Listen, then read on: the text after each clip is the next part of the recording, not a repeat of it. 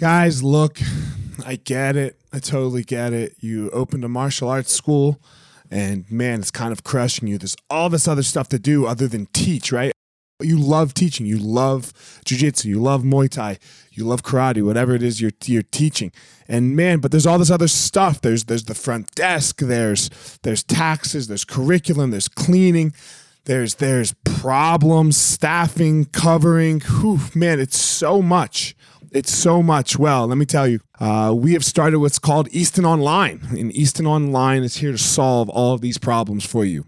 Easton Online is a digital academy for martial arts school owners and managers. Will help you establish or enhance your business with best practices. Most importantly, we're going to help you get back to what it is that you love most teaching and doing martial arts. Okay, so for more information, guys, go to easton.online. Again, that's easton.online. Add your email. You're going to get notified about the course launches. Our first course is going to be all about the first impression specialists, your front desk, and all kinds of stuff, special offers, promotions, as well as we started a podcast by the same name, Easton Online, that's gonna talk about our process of how how we went from a tiny little martial arts school to what is now seven martial arts schools, seven Brazilian Jiu Jitsu Muay Thai schools, um, in a very holistic way that we believe um, kept the integrity of the art and also deals with its people very well. So again, Easton dot Easton.online, enter your email and you're gonna get all you're gonna get everything you need right there. So thanks, guys.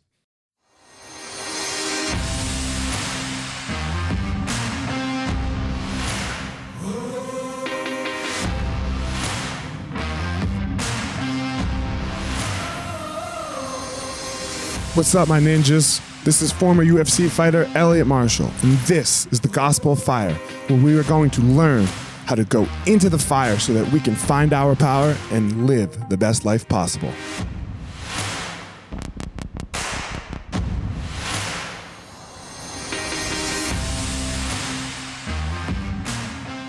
Guys, this episode of the podcast is with Jason Rau. Jason Rau is, uh, man, for me, very responsible for my uh, entrance into the leg lock games, a new style, a new methodology of training a little bit, um, and one of the best jujitsu guys that I have ever really trained with.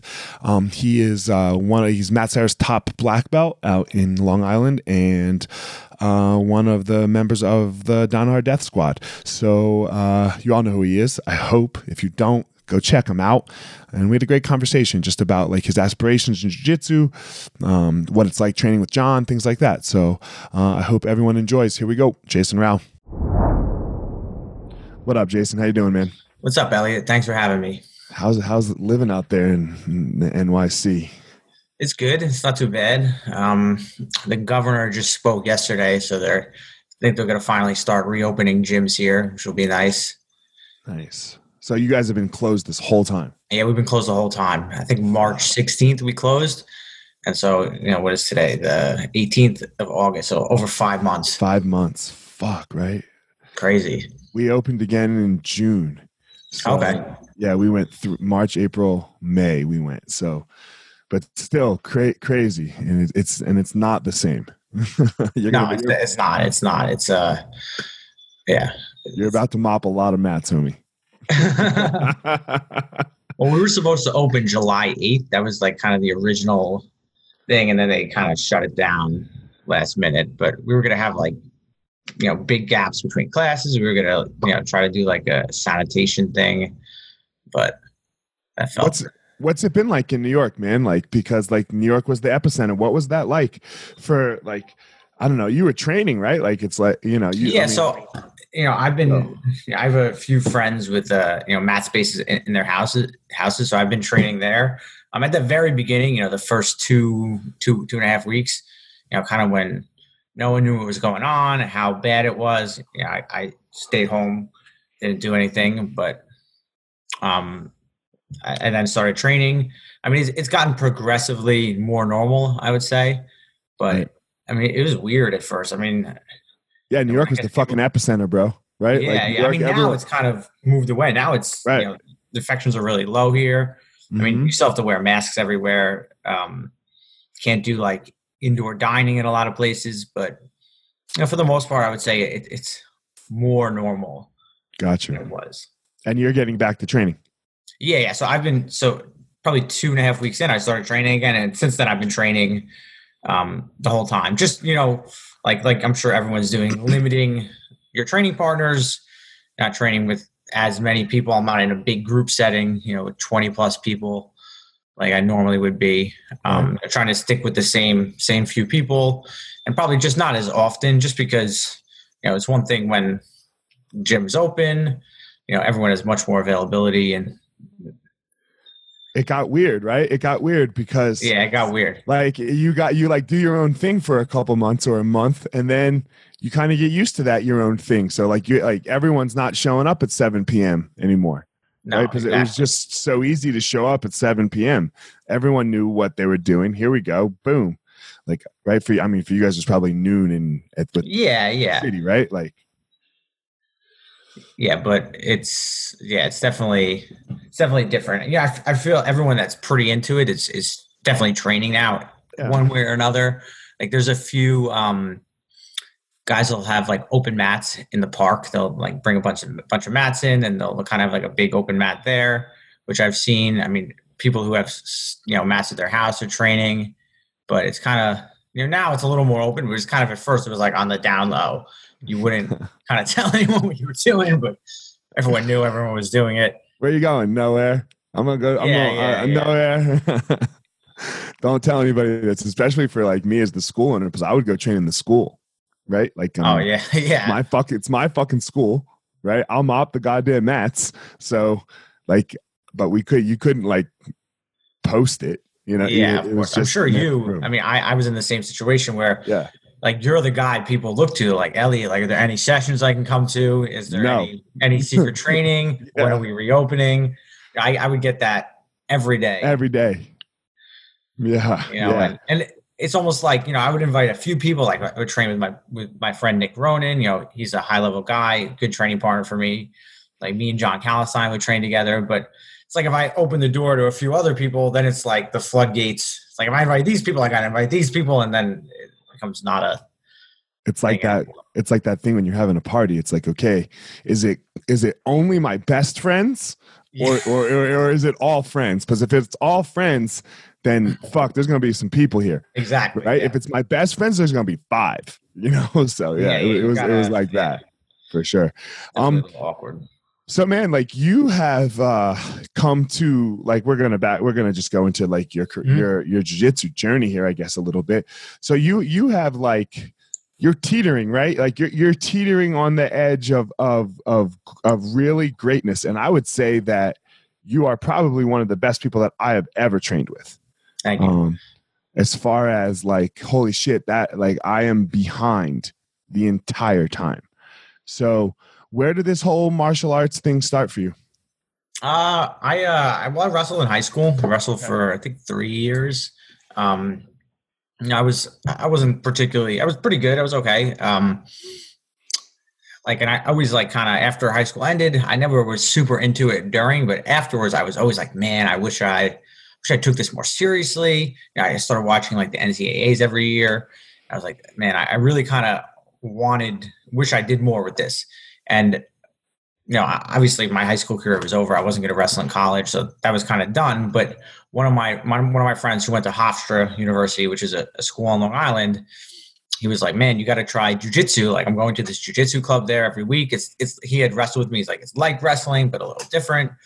And he had you know brought me down, and I was like, "Man, this is so cool. This is kind of exactly you know, it's like wrestling, just slightly different, but it's, It's like kind of exactly what I wanted because I was kind of past the point where I couldn't really res- wrestle." scholastically anymore and you know i kind of just fell in love with it right away started training every day um, signed up at matt Serra school and you know So you went to your buddy. You went to your buddy's thing. It was at like a, a club. it was at college? yeah it was at a university it was like a university club they did it like once a week it was taught by a matt Serra blue belt and Yeah, we um, did the same thing. yeah yeah and you know he was you know he obviously submitted me a million times i was like what, what is this he was like 135 pounds so uh, like a lot of people's story, I kind of fell in love with it right away. Right. And then so then you signed up at Serra School. Yeah, I signed up at Serra School maybe a week or two later. And when was this? This was 2010, the beginning of 2010. I remember mm. it was it's like right after right after New Year's. Um, I, it was actually like the first month. It was like a Christmas gift for my parents. Okay. You know, I, it was like like I went to the the club like maybe it was like the few days before Christmas. I was like, you know, this is something I really like. I want to do this. So they, they bought me like the first month, January, as a gift. Gotcha. So then you're at Serra's school, and this is kind of like right in the heyday, and uh, Weidman coming up, right? Like, yeah, yeah. This is where Weidman was still in Ring of Combat, actually, which okay. is East Coast East MMA Coast promotion. Matt had just his uh just right when I started, he just fought Frank Trigg, so he won that fight. I think he fought Chris Lytle maybe later that year and ended up retiring afterwards. But it was kind of like, you know, Matt was, you know, I don't want to say not out the door, but it was the end of his career, and like Weidman was just starting to come up right at this time. So, what was the school like? What was the atmosphere of the school? What kept you hooked? What what what was that? What was that feeling like in the beginning? So, where I signed up, um, you've never you never came out to Levittown. Nah, right? man, I was gonna come that one time, dude. Remember? Yeah, you were gonna come, and then yeah. And then I clicked on that fucking thing, and I was like, "Whoa, two fucking hours from where I am? Fuck this." Yeah, so that gym, that's like the newer gym. Uh, you know, it's a big facility. This was this was in a town called East Meadow. It was just down the road, and it was like this little like you know, I don't want to say rinky dink, but you know, like really small space. You know, um, kind of like okay. You can say rink. You can say rinky dink. Yeah, like we all started rinky dink. we all started like, like small we, mat space.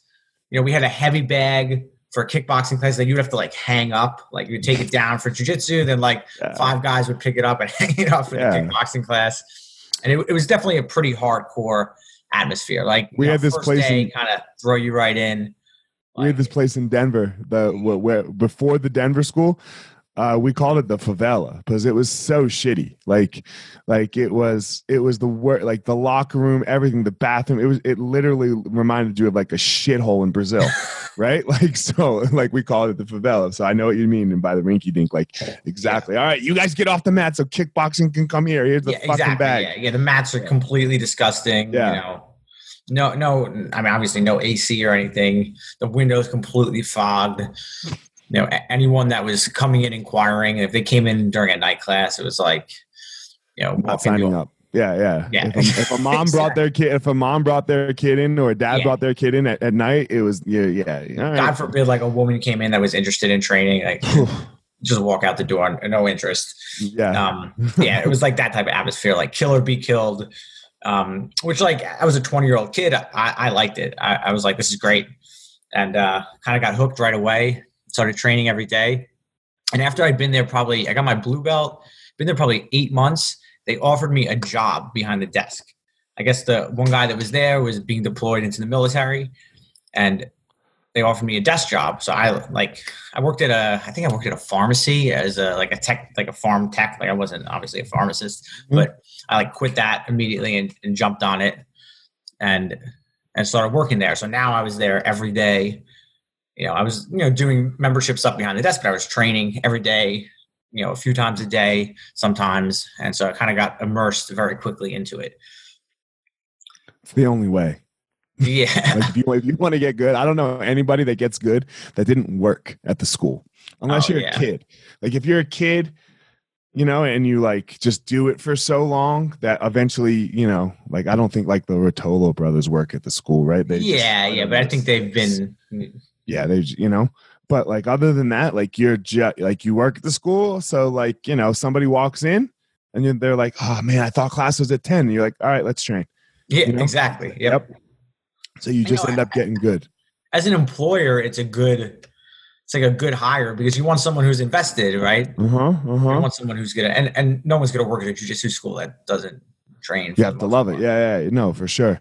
And then plus sometimes you get, I'm sure like Matt would come in because I know this is how it was for me. Like a Amal would come in and want to train, and all right, word, I'll train. You, you know, yeah, uh, sweet. Yeah. yeah. I'm here. You know, yeah. So you that, learn. That happened, that happened yeah. many times. Yeah, a, a ton. buddy, let's get a roll in and. beat my ass for an hour. It, yeah, but that yeah, but that's how you get good. That like it's just that, you know. Um that's how I, I mean, that's how I got good. I, it was just the close connection to my instructor, Yeah, you know. yeah, definitely. Um, So, when did it become a thing for you where you were like, "Whoa, I kind of want to do this?" So, back, I mean, back then, um, I mean, you were around then, you know, uh, there wasn't really any money in jujitsu. I mean, it was, I mean, that wasn't quite the stage, you know, obviously the early 2000s, that was like, if you did jiu-jitsu, you're going to fight MMA. Like at this point, it was like, there was certainly hobbyists who did it, who had no necessarily uh, professional aspirations, but there was really no money in it. So I kind of, at the time, I was in my early 20s like my big goal was to like go to the world champion IBJJ, IBJJF world championships and do well. And I wanted to open a school at some point. You know, I thought, okay, if I if I wanted to do this for a living, that that would be my my route. And I and, and you know, I was in no position to be able to do that. You know, at the time, like I was, you know, a blue belt, a purple belt. You know, my I, I was still in college. My parents were, you know, not to say they didn't like it they liked that i had a, a, serious hobby but you know i was neglecting my schoolwork to go train it was definitely not and and i would say probably maybe four or five years ago uh, i had i had worked at the school then i stopped working there to go back to school full time and then i started working there again like this time more as like an instructor like teaching more i was, I was a brown belt and I started getting some private lessons. I was like, wow, like I, I think I can kind of make this work for now, like support myself until I can, you know, open a school. And then probably the last three years, I would say, I like really like in terms of not only just competing, like I mean, you'll make a little money competing, but in terms of like getting my name out there, teaching a lot of private lessons, teaching a lot of classes, like I've kind of realized I was like, wow, I can make a good living teaching in mm-hmm. this and I, I, do have aspirations to open a school still, but I, I kind of realized I could, you know, put that on hold save money, really wait for the right right moment to do that. Yeah, it's a tough thing the opening a school thing, right? Because you, uh, yeah, don't do it now for sure. Like wait, wait a couple years for sure now. Yeah, yeah. yeah. like who knows when this like uh, oh, is, is gonna like fade. This idea that we have going on now that like people are dangerous, right? Yeah, like so kind of crazy it's a little weird. Um, but yeah, just in general, I, I feel like people open schools really, really incorrectly soon, a lot. I think a lot of yeah, too soon, too soon, and just like I don't know. I, I know how Amal did. I know how we like if somebody tells us that they want to go open a school, we tell them to all right, cool, go go somewhere and like teach out of a garage or teach out of like a gymnasium and get 50 students. Because like you don't necessarily deserve to have a school yet if you can't get 50 people to show up oh, somewhere i agree yeah. You know like they the people rent a space right away like a big like a like a strip mall space right or something and that's expensive man. You got yeah yeah cam fees and all this shit where you could have just gone, gone to a ymca gave them a couple hundred bucks laid some mats down you know and said yo everyone like get 50 people that way because then when you open your space you are when you do go rent that space, you are you got money already, right? Yeah. You got money. You already so, have income coming in. Yeah. people like willing to come train under you. Uh, yes, or you have money saved, right? Yeah, it's got to be one of the two things because, like, fuck, man, people just go and do it, and you put they put so much like being house poor. They put so much yeah. pressure on themselves. I mean, I, I think definitely. I mean, a school can certainly be, you know, financially successful and make you make you money, but I think people kind of view that as like, okay, once I have a school, I'm going to make money. But there's a big gap between opening a school and and making money. Right. Yeah, and people miss that. They all the only math they do is students times tuition minus rent. Right, you know that's the yeah, math they do, and that is not the fucking math. No, I know it's not. you know, like that is not. That's not even close to the math. I, I yeah. can remember. uh one of my fighters came in one day, Brandon Thatch, and he was like, he sits down, he goes, and like, you know, the school's packed, right? It was a Tuesday night or some shit. He's like, damn, coach, you were just fucking rolling in the dough. And I was like, yeah. And he's like, yeah. I was like, what do you think my expenses were last year for like the all of the Eastons? You know? He's like, I don't know, a couple hundred thousand. I was like, 1.5 million, homie. He was like, oh, I was like, yeah. I was like, I don't make a penny before we cover that. He's like, how? Why? And like, it's just people don't get it. So Yeah. Yeah. I mean, in terms of, I've always thought this like since the first time I came after you guys. Like when I first met Amal, it was he would come to Renzo's and I trained Mhm. with him, and I, I knew who he was, but I didn't realize like you guys have like a lockdown on Denver. And then when I came out, I was like, you know, I was really impressed. And I think in terms of like when I think of a school like or the type of school I want, like I think I think of three things. Like I want I, obviously I want high level jujitsu.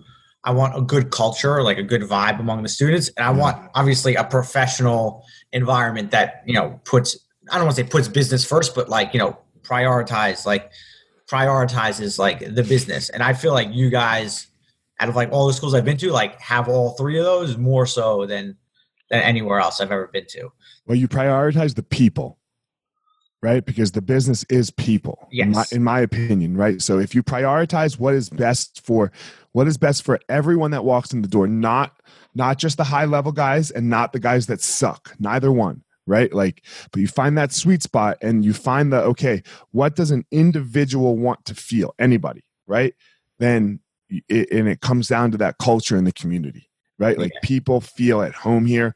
This is where they want to come. So how do we keep making that happen? Um, and then, like we said, like like you know, you got close to Matt, I got close to them all. That will always happen, and so that will hopefully keep the high level happening. Yeah. You know, I'm sure there's guys like that are under you that are like you know stuck to you like glue for the Mhm. you know for years and you know and like Right. it's like you know you're bringing up the next generation with yes. with that. And for me, uh, and I'm sure it's the same with you. I love to teach. You know, I love to teach and I love to learn. So I love to learn from you. You know, and then I love to teach it, and I love to watch the DVDs and teach it, and like really, like even though I'm personally getting older, I can't necessarily do it as well. You know, uh, just I can't, I can't put the hours in. I can, I can still understand it and keep the game progressing. Yeah. Just like you know, Absolutely. look you're younger but you you seem like uh an into not intuitive you you you like to learn you know and that, if, if that doesn't go away then then the high level will always stay Yeah, absolutely. Yeah, I mean, I find. I mean, obviously, as a competitor, I mean, you get gain a lot of gratification from from that. But as a coach as well, I mean, to me, it's it's very similar. I wouldn't say like I like one more than the other. And as I get older, I'm sure the coaching, you know, aspect that will far outgrow the the competitive competitive drive. You know, I mean, they're both very very gratifying to me. yeah amazingly gratifying and the one goes away you Yeah. know? like the one you can, you just can't sustain so Yeah. you don't know when that's going to be um so at some point for you you you got hooked up with Danaher, right and you started going to the city you got hooked up with like the the DDS right uh when when did that happen So I would say, I think it was the beginning of. So I used to even. So I, so I'll backtrack. One of my uh, friends I met training, his name is Eric Sherman. He's Okay. a he's a Danaher black belt, but he was originally under Matt.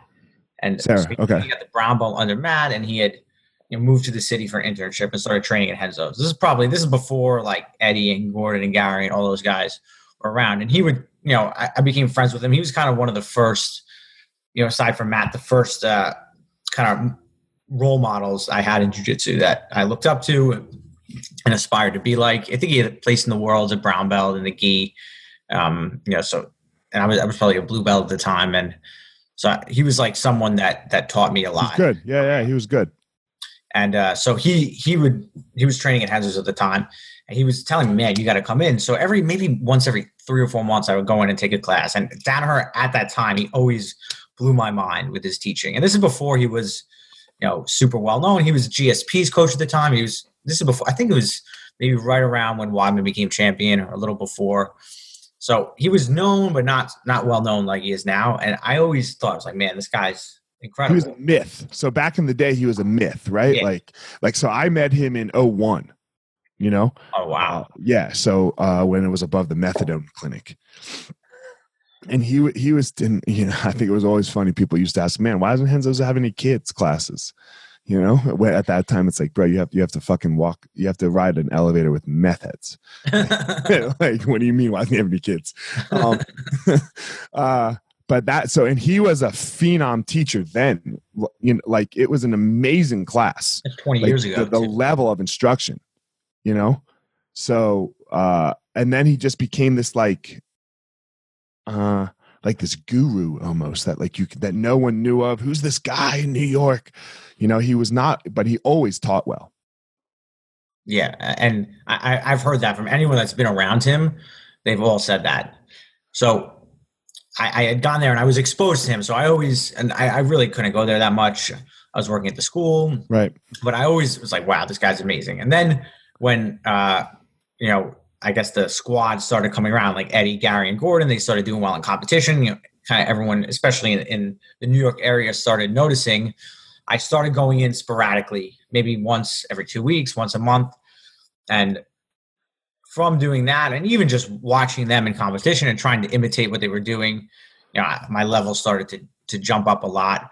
And then the next year, so I think the beginning of 2017, I started going consistently, you know, every day, three days a week, you know, three, four, five days a week. right And that's probably when I saw the biggest jump in skill in that time period. it's hard to get in there man like uh how do i say this um there's a hundred people on that mat Yeah. right? There's a hundred people on that mat. And as an instructor uh if as let's you know put yourself in Danaher's shoes you if there's a hundred people on the mat you're not fucking helping right? No, like you, you can't you can't like you, you show the move you hope everyone gets it you know? And it's hard to pay attention to a hundred students especially because he's teaching a gi class and a no gi class and right? He like like holy fuck. Yeah. how did you get his attention because it's very hard to get his attention So I so I was going in there like this is at the beginning sporadically, and one day I one of Matt's black belts. His name is Josh Badama. He owns a school in uh in New Jersey. Um, he used to do a, a private with Danaher every week.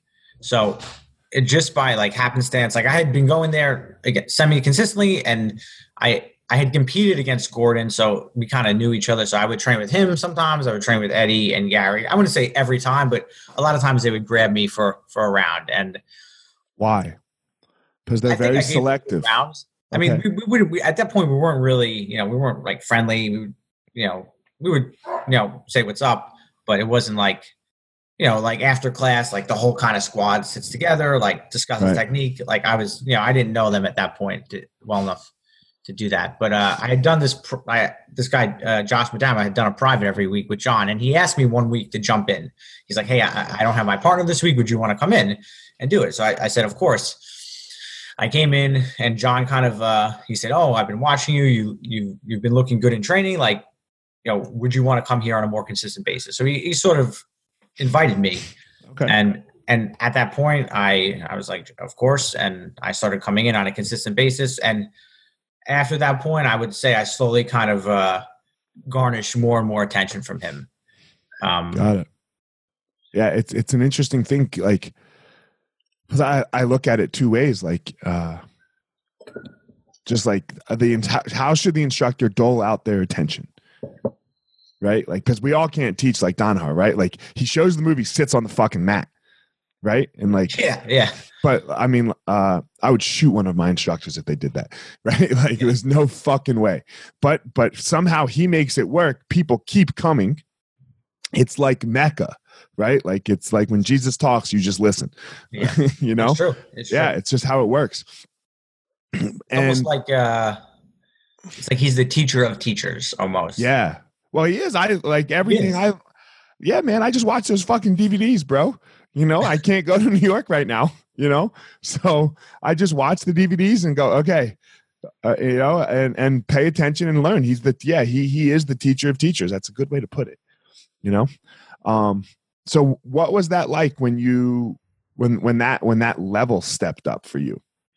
for the i think the biggest thing for me in terms of i think i had a good i don't want to say traditional game but know, i was before going there i was really into watching you know a lot of the a lot of the top guys in the sport like rodolfo vieira andre galvao the Mendes brothers. So i had a good i had good guard passing i had a good guard like a good traditional jiu-jitsu game ibjjf i want to say i didn't have good submissions but like that was the biggest thing is being able to develop my submission skills and escape skills being there was probably the the initial big big jump I had because he took all these common position uh, submission positions and like, like we've said systematize them and kind of give you a very clear pathway to get to to get to your finishes. And that was the biggest increase right away is you know getting on the back being able to finish someone like convincingly you know on a on a consistent basis versus like sometimes getting a finish sometimes not getting a finish and really with all positions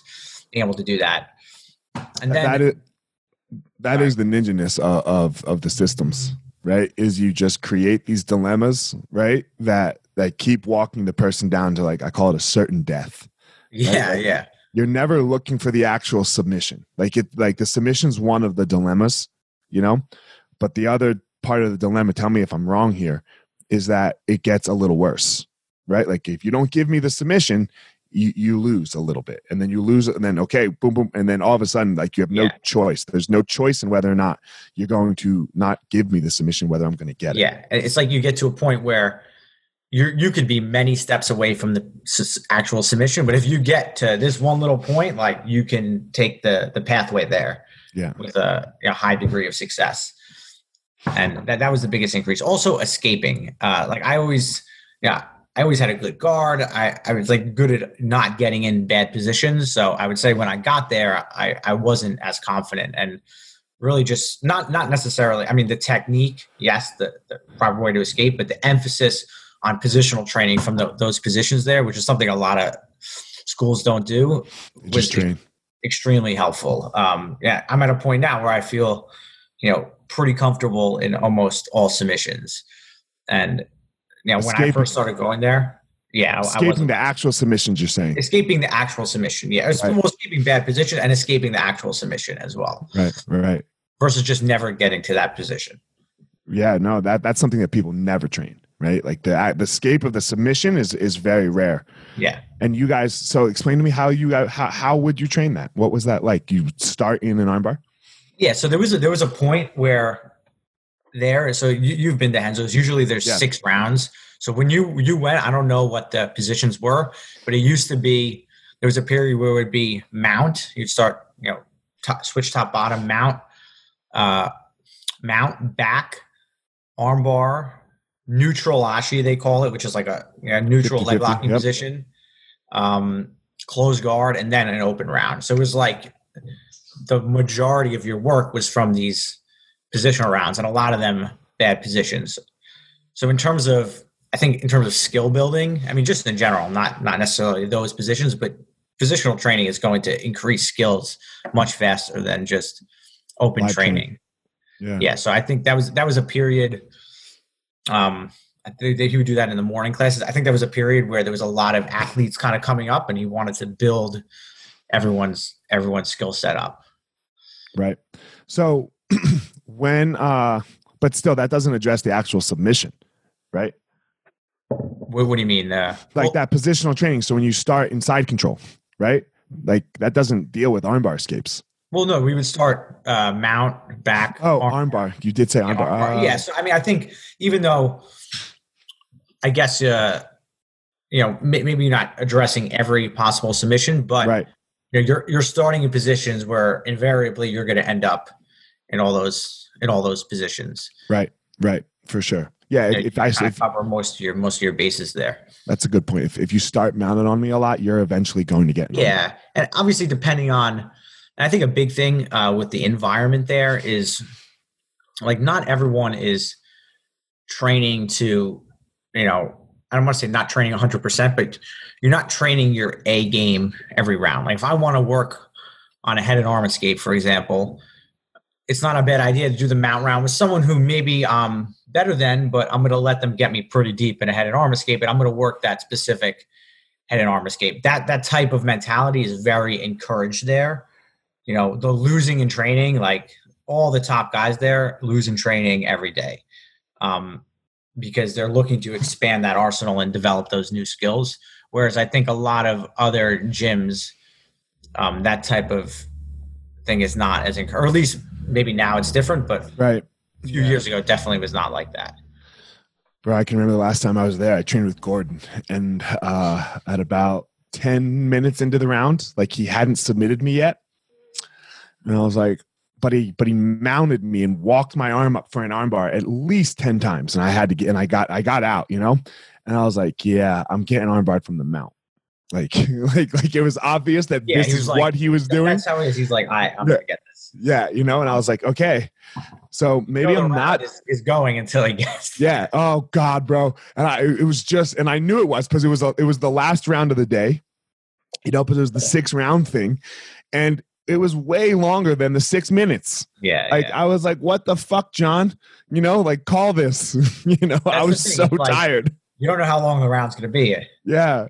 And then he armbarred me, and then John called around. I was like. "Fuck!" But it was like one of those things where it was like, "This there. is what." I uh, at first I was like, like the first couple minutes, I was like, "Oh, I'm doing pretty well." Fuck yeah, you know. And then like you know six seven minutes, and I'm like, "Oh, I'm doing really well." Like he's fucking me up, but I'm surviving, you know. and then I was like, "Ah, shit!" He's trying to fucking armbar me from the mount. God damn it! This is all that's gonna happen. Like so, yeah. I didn't do as well as I thought, maybe.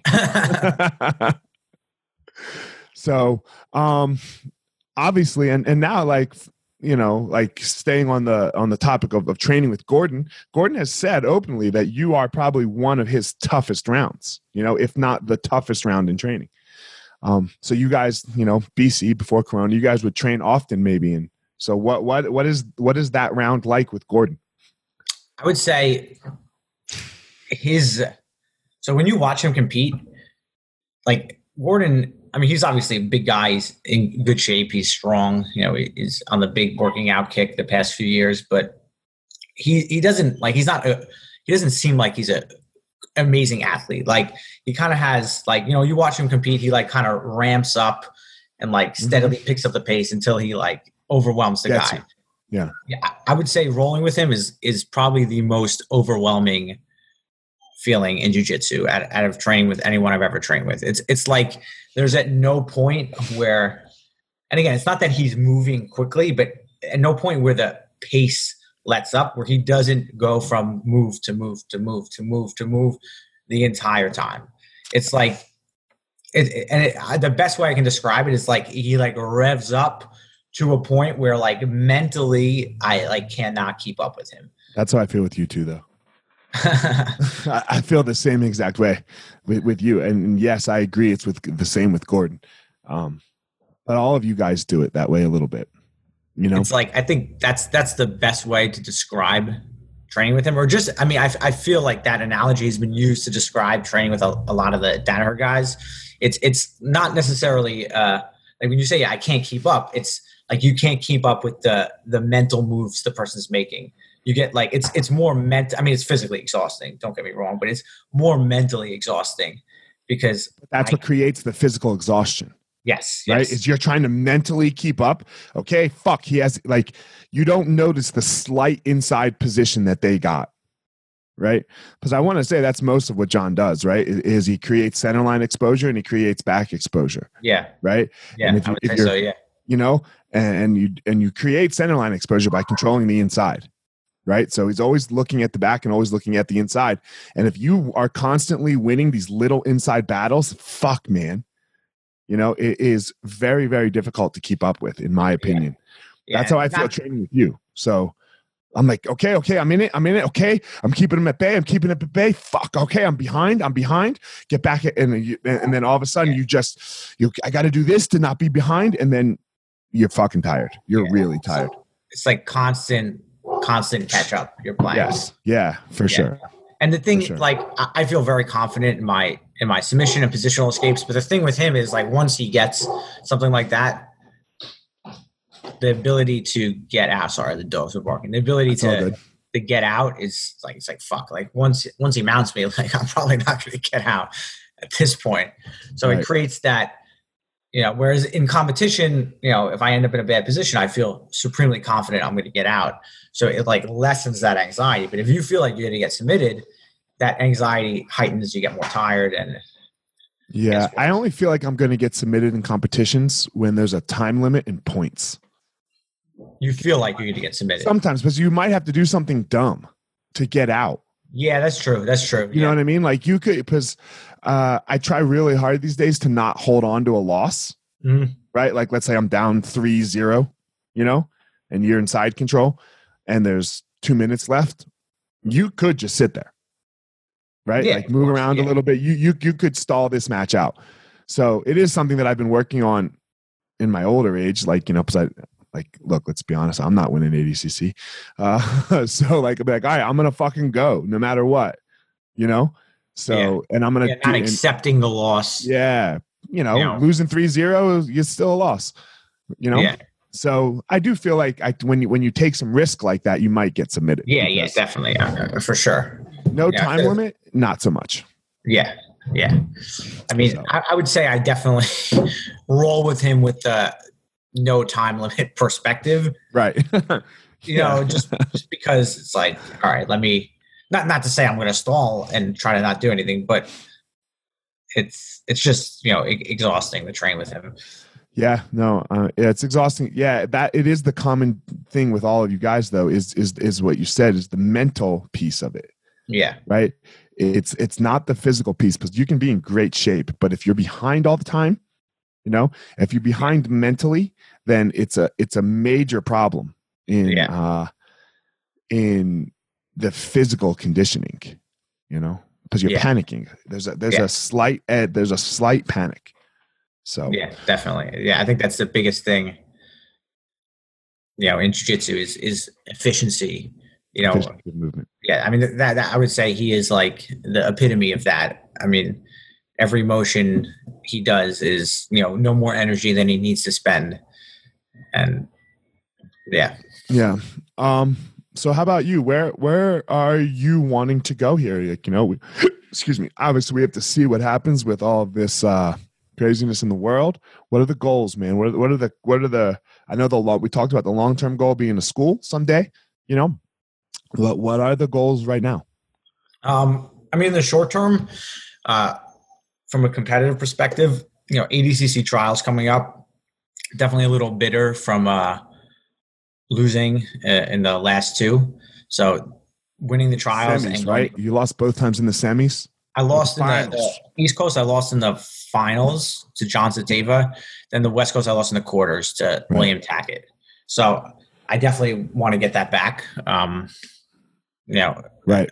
We're planning on doing both trials this year if if needed. I mean, that's that's definitely my main focus right now.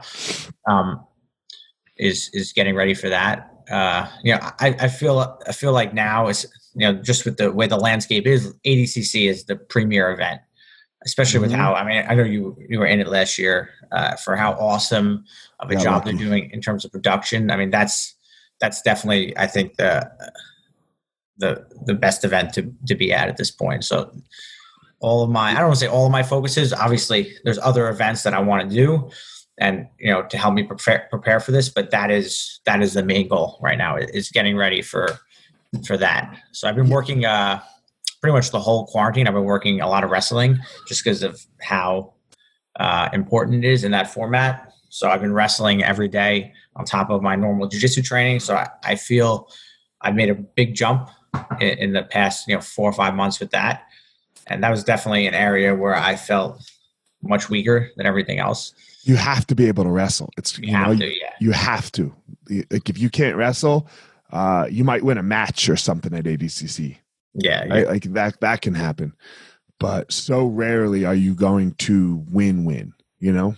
Like the whole thing. You've got to be able to wrestle. Yeah, I mean, if you look at all the all the matches, you know, all the finals matches, all the semifinals matches, I mean, it's it's a requirement. Dude, I mean, look the at one Nicky guy who doesn't really wrestle is like Paulo Miyao, but Right. he hasn't won. You know, obviously he's done very well, but Look but, at uh, Nicky Rod. Nicky, you're right? He can just wrestle his ass off. yeah, You know? He can eh, like he, he's good at jujitsu, right? Like he's Yeah. good, but he's not you, right? He's not Gordon. He's not, you know. Uh he can just fucking wrestle, I mean, right? It's a separate issue, but I, I mean, I think that shows a flaw in the rule set I personally. agree. but I agree. but that's not. I don't, think it's going to change. So it's not changing. The rules haven't changed. yeah, so right? Well, a flaw in the rule set. Let's think about this. And this is no no knock on him, right? This is No, not a no, knock not on him what whatsoever. Sure, he would be one to say something about it. Right. I mean, I've heard him say like uh, I was talking to Dante Leon. He uh, he had come out here during uh, maybe two three months ago. He like he stayed out here for a few days, and I trained with him.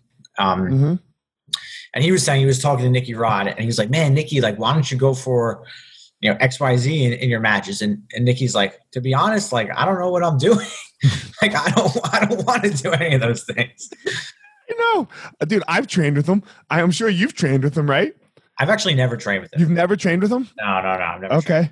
No, I've tra- I've trained with him. Yeah, he he sent, he literally. I mean, I trained with him a year before ADCC, uh, maybe six months. I don't know. And he literally asked me a question. Was like, okay, what's this?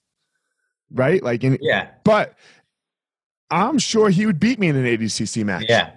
you know, because you're not going to sweep him. It's going to be so fucking Yeah, hard. you're not gonna sweep him. Like, I mean, You you're not gonna take him down. I got a pull guard. There's no way, you know. And then he's a fucking freak, Yeah.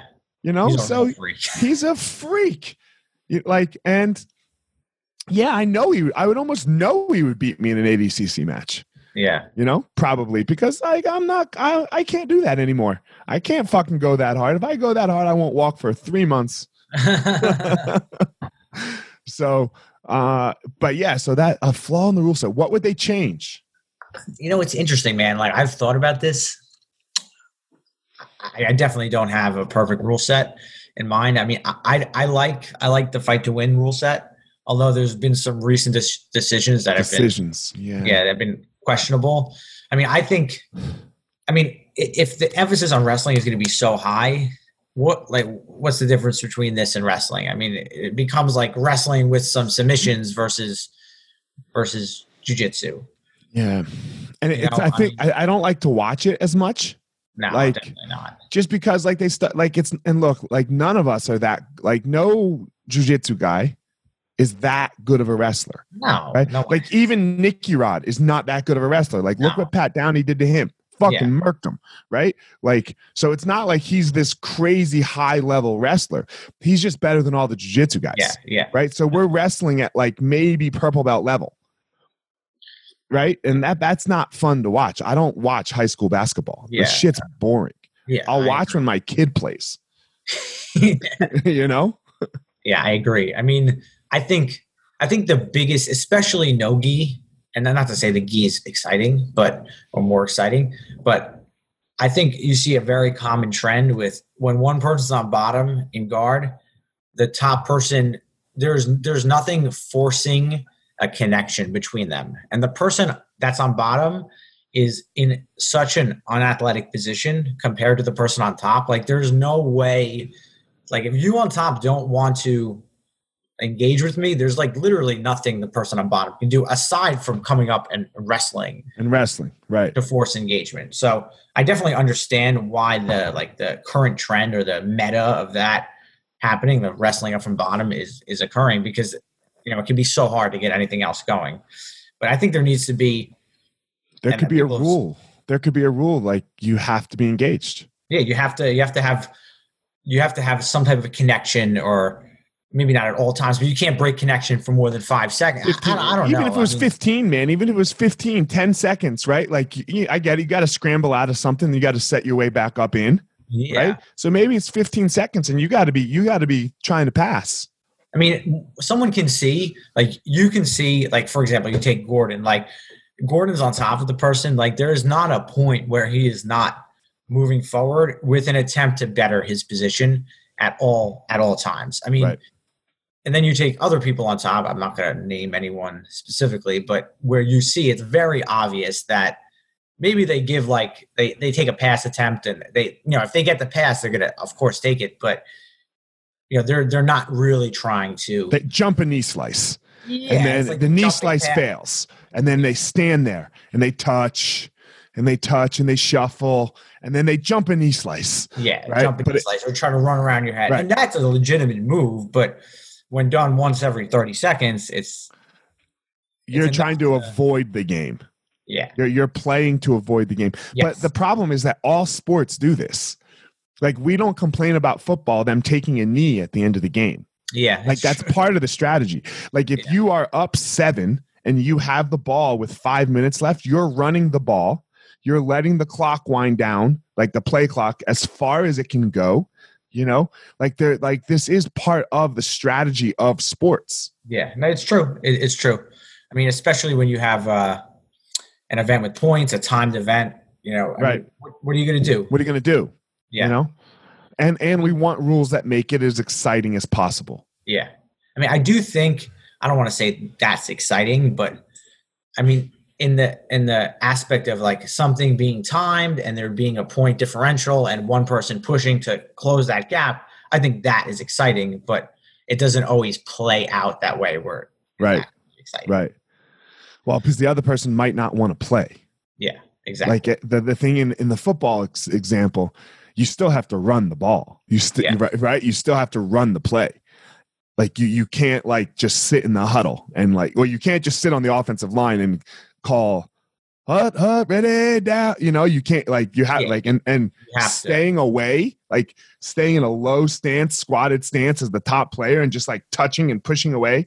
That's like pre snap and I mean, you see in in ADCC matches, if someone does end up on bottom, if there's a 10 minute match, it's nine minutes and 30 seconds of that. of that yeah just like yeah just like in in the ibjjf if you know for the little guys the whole goal is to get to 50-50 and then just sit there and see who can make it happen in the last minute and a Yeah. half Yeah. you know I mean, so In college wrestling, people, I mean, there's definitely, there's, there's severe stalling calls. I mean, people will stall, like if there's 15 seconds left in a match, avoid a takedown. But for the most part, like if you're stepping backwards, you're getting hit right away. it's on in college wrestling it's on until the last 10 seconds Yeah. and if you're winning the last 10 seconds they let that person run away a little bit right like i get it that's cool but yeah, I mean, but they don't let 'em can do it the whole last And period. They will get hit. They they they, Yeah. they keep track of. Do I have one call? Do I have two calls against me? They know whether they're gonna get docked a point for it. So in that sense, it's part of the it's part of the strategy. But those guys are, you know, if they're up ten nothing, they want to be up twelve nothing. They want to be up. You know, they're they're definitely coming Yeah. to. And I'm They're coming to win. Guys aren't.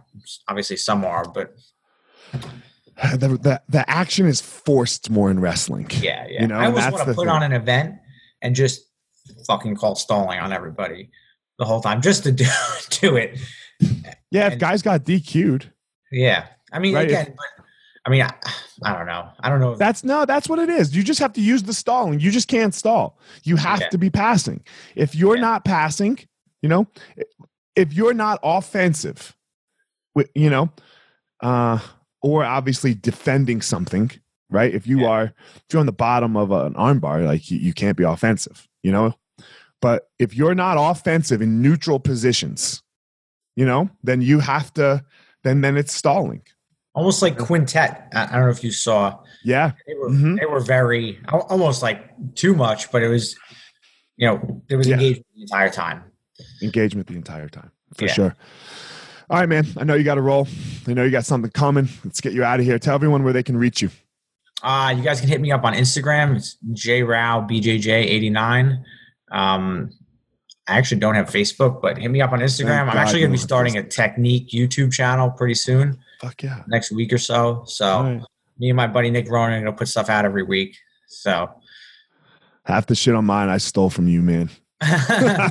you showed it to me, so I always give you credit. Uh, You know, I, I, I Yeah, always give you credit, but you know, we just try. Dude, no one, no one owns techniques, right? It's someone did it. You know, someone did it before me. Someone showed you, yeah. No, you Yeah, know, you yeah. make this little tweak. Ah, you put your hand here instead of here. Now it's yours, right? Like, so, um, cool. So yeah, J. What was it? J. Row what? jrowbjj89.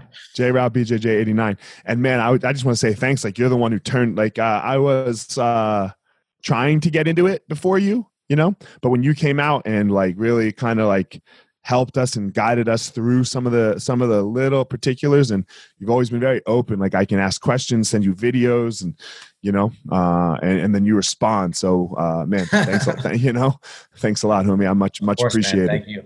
so, all right, guys, as always, look, Jason has his unique power. I have my unique power. It's cool. Don't try to be Jason. Don't try to be me. You go out there and you find your power. All right, everyone, thanks for listening to this episode of The Gospel of Fire. If you enjoyed the episode, I'd love a review on iTunes or wherever you are listening to this podcast. Don't forget to follow me on social media at Fire Marshal 205. If you are a BJJ enthusiast, check out my YouTube channel. I put all kinds of instructional DVD uh, videos out on there, so go check it out. My book is still out on Amazon by the same name as the podcast, The Gospel of Fire. So if you are interested, go check out that. And most importantly, guys, go out there every day, find your power. Thanks a lot.